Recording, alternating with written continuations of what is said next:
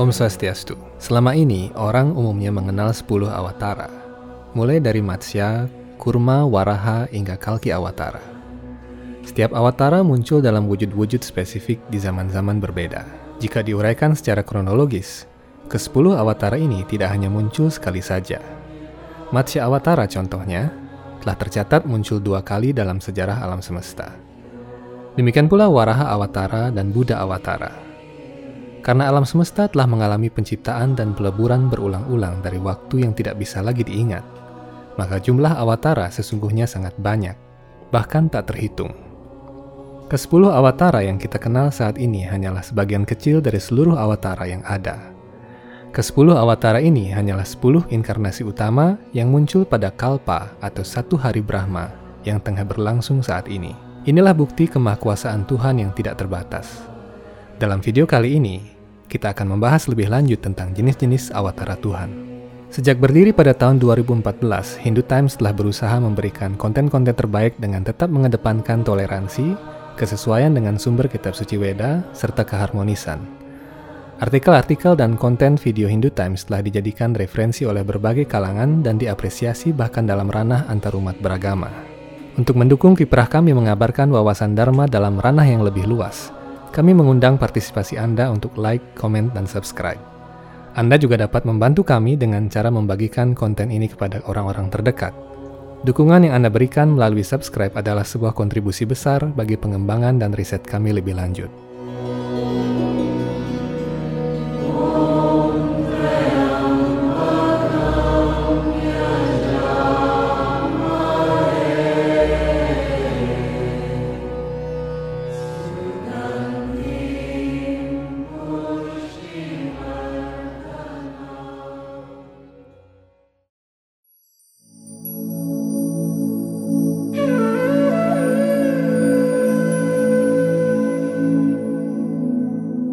Dalam arti yang sesungguhnya, Awatara berasal dari bahasa Sanskerta yang berarti Tuhan yang turun dari dunia rohani ke alam material ini untuk menegakkan prinsip-prinsip Dharma. Oleh sebab itu, dalam pengertian yang sejati, menurut definisi dalam berbagai bagian kitab suci Weda dan dibenarkan oleh para resi yang agung, Awatara adalah Tuhan sendiri yang turun dalam wujud-wujud berbeda sesuai dengan situasi yang spesifik. Karena kasihnya kepada makhluk ciptaannya, Tuhan sewaktu-waktu turun secara langsung ke dunia material ini dalam berbagai wujud sesuai dengan fungsi dan keadaan. Saat beliau ingin menyelamatkan para penyembahnya yang terombang ambing dalam banjir peleburan alam semesta, beliau datang dalam wujud ikan rohani yang sangat besar. Tatkala beliau ingin mengembalikan posisi planet bumi yang terlempar jauh ke orbit luar, beliau datang dalam wujud babi hutan maha besar yang bertaring kuat. Demikianlah Tuhan yang tak terbatas. Beliau bisa muncul dalam wujud apa saja sesuai kehendaknya. Karena itulah setiap kegiatan Tuhan disebut dengan istilah lila atau permainan rohani. Barang siapa yang mengingat lila Tuhan di zaman-zaman yang berbeda akan disucikan dari dosa dan pasti mencapai alam rohani yang kekal. Seorang awatara adalah Tuhan itu sendiri yang tidak dipengaruhi oleh kelahiran, kematian, usia tua, dan penyakit. Walaupun dalam beberapa kisah sejarah disebutkan bahwa Awatara meninggalkan badan kasar, ini semata-mata bertujuan agar orang-orang yang tidak percaya kepada Tuhan menjadi terpuaskan. Demikianlah kebaikan hati Tuhan.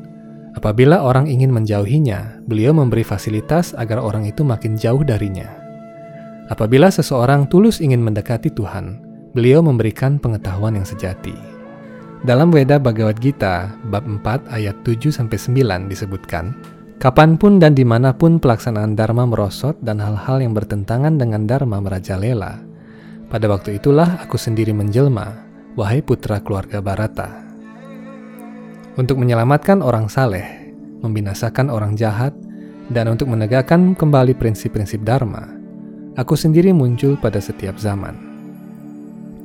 Orang yang mengenal sifat rohani kelahiran dan kegiatanku tidak dilahirkan lagi di dunia material ini setelah meninggalkan badan, melainkan ia mencapai tempat tinggalku yang kekal, wahai Arjuna.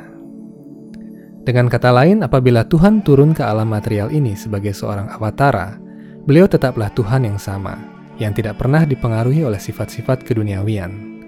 Dalam setiap kemunculan Tuhan di alam semesta ini, para dewa, para resi agung dan makhluk-makhluk suci di alam semesta ini memuji keagungannya dalam bait-bait pujian dalam Veda.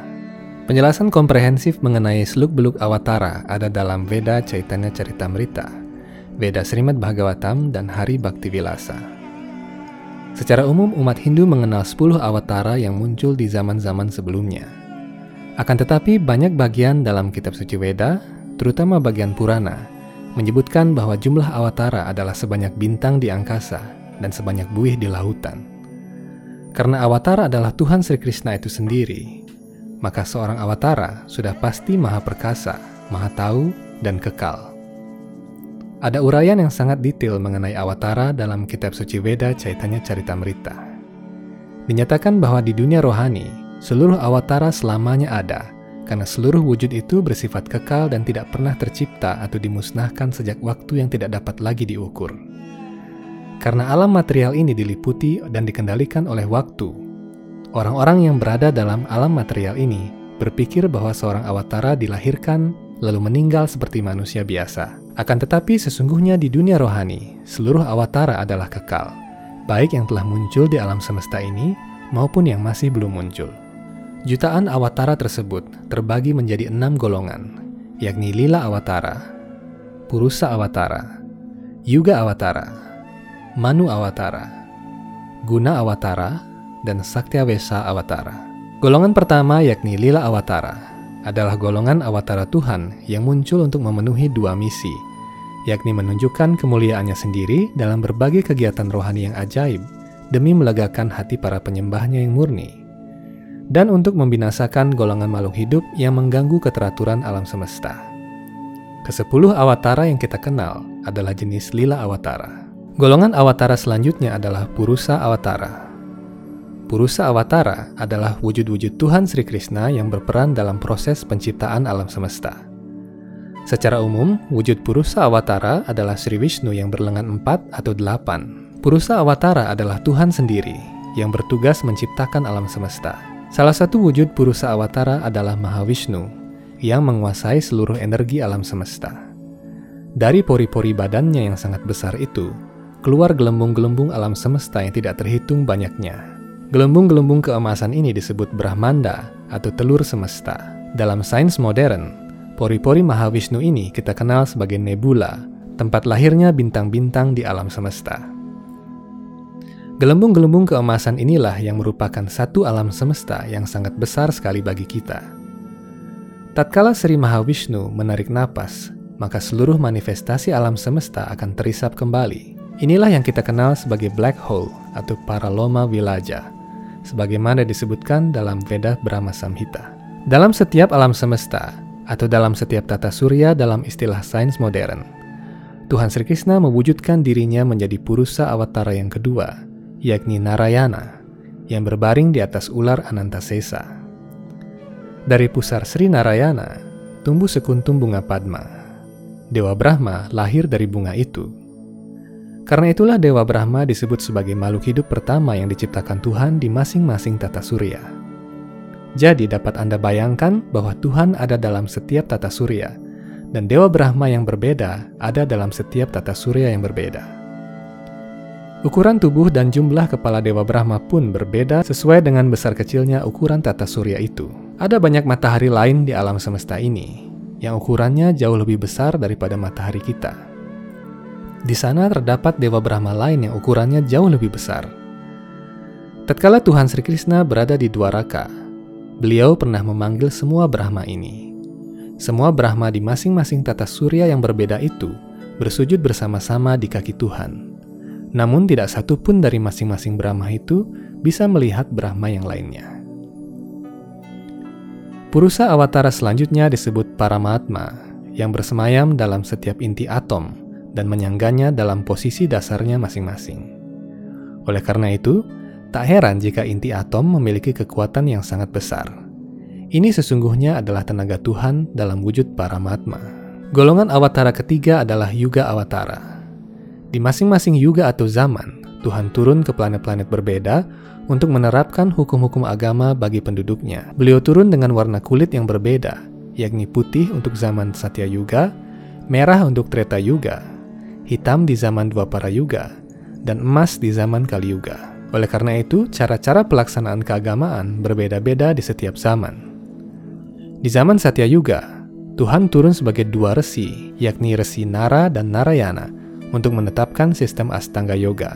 Di zaman Treta Yuga, beliau turun sebagai Yajnapati untuk menetapkan sistem upacara. Sementara itu, di zaman Dua Para, beliau turun dalam wujud tertinggi beliau sendiri, Sri Krishna, untuk menetapkan Dharma pada zaman itu. Di zaman Kali Yuga saat ini, Tuhan Sri Krishna turun sebagai Sri Chaitanya Mahaprabhu 500 tahun yang lalu yang berkulit keemasan di tanah suci Mayapur untuk memperkenalkan dan menetapkan kegiatan rohani untuk zaman Kali Yuga ini.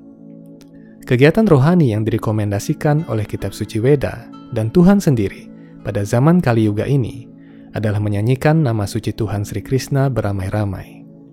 Inilah ketetapan dalam kitab suci Weda untuk zaman Kali Yuga. Golongan awatara yang lain adalah guna awatara, Manu Awatara, dan Saktiawesa Awatara. Guna Awatara adalah tiga awatara khusus yang bertugas mengatur tiga sifat alam material. Kita mengenal guna Awatara sebagai Trimurti, yakni Brahma, Vishnu, dan Shiva. Ketiganya bertugas sebagai penguasa tiga sifat alam material. Karena itu baik Brahma, Vishnu, dan Shiva adalah wujud-wujud Tuhan, penguasa jagat raya yang patut disembah. Manu Awatara atau Manwantara Awatara adalah Tuhan yang turun dalam setiap pergantian periode Manu. Manu adalah leluhur bangsa manusia, dan seorang Manu berkuasa sekitar 300 juta tahun manusia. Dalam setiap pergantian Manu, Tuhan turun sebagai awatara khusus. Misalnya pada masa Manu kedua, Tuhan turun sebagai Garba, wujudnya yang berlengan empat. Dalam masa Manu keempat, Tuhan turun sebagai Ajita, dan pada masa Manu saat ini, Tuhan turun sebagai Wamana Awatara. Saktiawesha Awatara adalah golongan Awatara terakhir. Saktiawesha Awatara adalah makhluk hidup tertentu yang diberikan energi rohani oleh Tuhan agar dapat menjalankan misi-misi tertentu.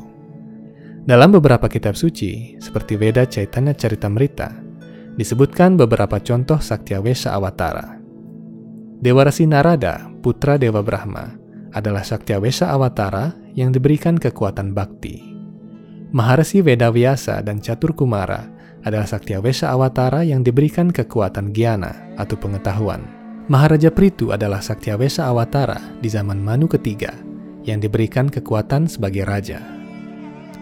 Dengan kata lain, Saktiawesha Awatara bukanlah Tuhan, namun makhluk hidup yang diberikan kekuatan rohani khusus oleh Tuhan.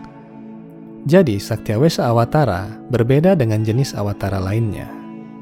Para orang suci yang menyebarkan ajaran agama mana pun adalah makhluk hidup yang diberikan kekuatan rohani oleh Tuhan. Belakangan kita mendengar bahwa ada sekelompok orang yang mengklaim bahwa pendiri agama tertentu disebut sebagai Kalki Awatara.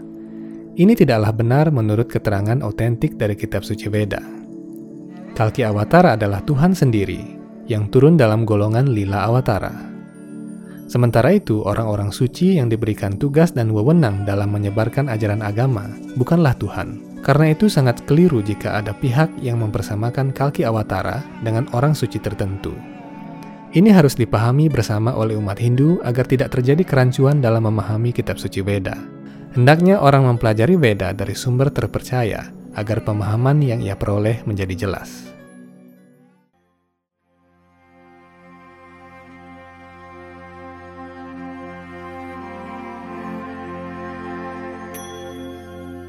Gauranga বলিতে হবে Demikian video ringkas mengenai enam jenis awatara Tuhan. Dengan mengetahui keenam jenis awatara ini, umat Hindu kini memahami bahwa awatara tidak terbatas jumlahnya. Selain itu, golongan-golongan awatara membuktikan bahwa definisi awatara tidaklah sesederhana yang orang bayangkan. Dari video ini, Anda tentunya juga bisa menyimpulkan bahwa Kalki Awatara bukanlah Awatara terakhir. Dan sebelum Kalki Awatara muncul, telah muncul Awatara keemasan yang bernama Sri Chaitanya Mahaprabhu. Kalki Awatara bukanlah seorang penyelamat, namun hakim. Beliau hanyalah Awatara yang akan mengakhiri zaman Kali Yuga dan memulai zaman Satya Yuga yang baru.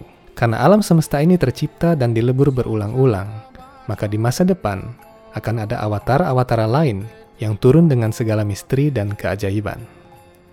Semua keajaiban Tuhan ini tidak akan pernah bisa dijangkau oleh manusia yang penuh dengan rasa iri hati. Sampai jumpa di video-video Hindu Times Channel selanjutnya. Om Santi Santi Santi Om.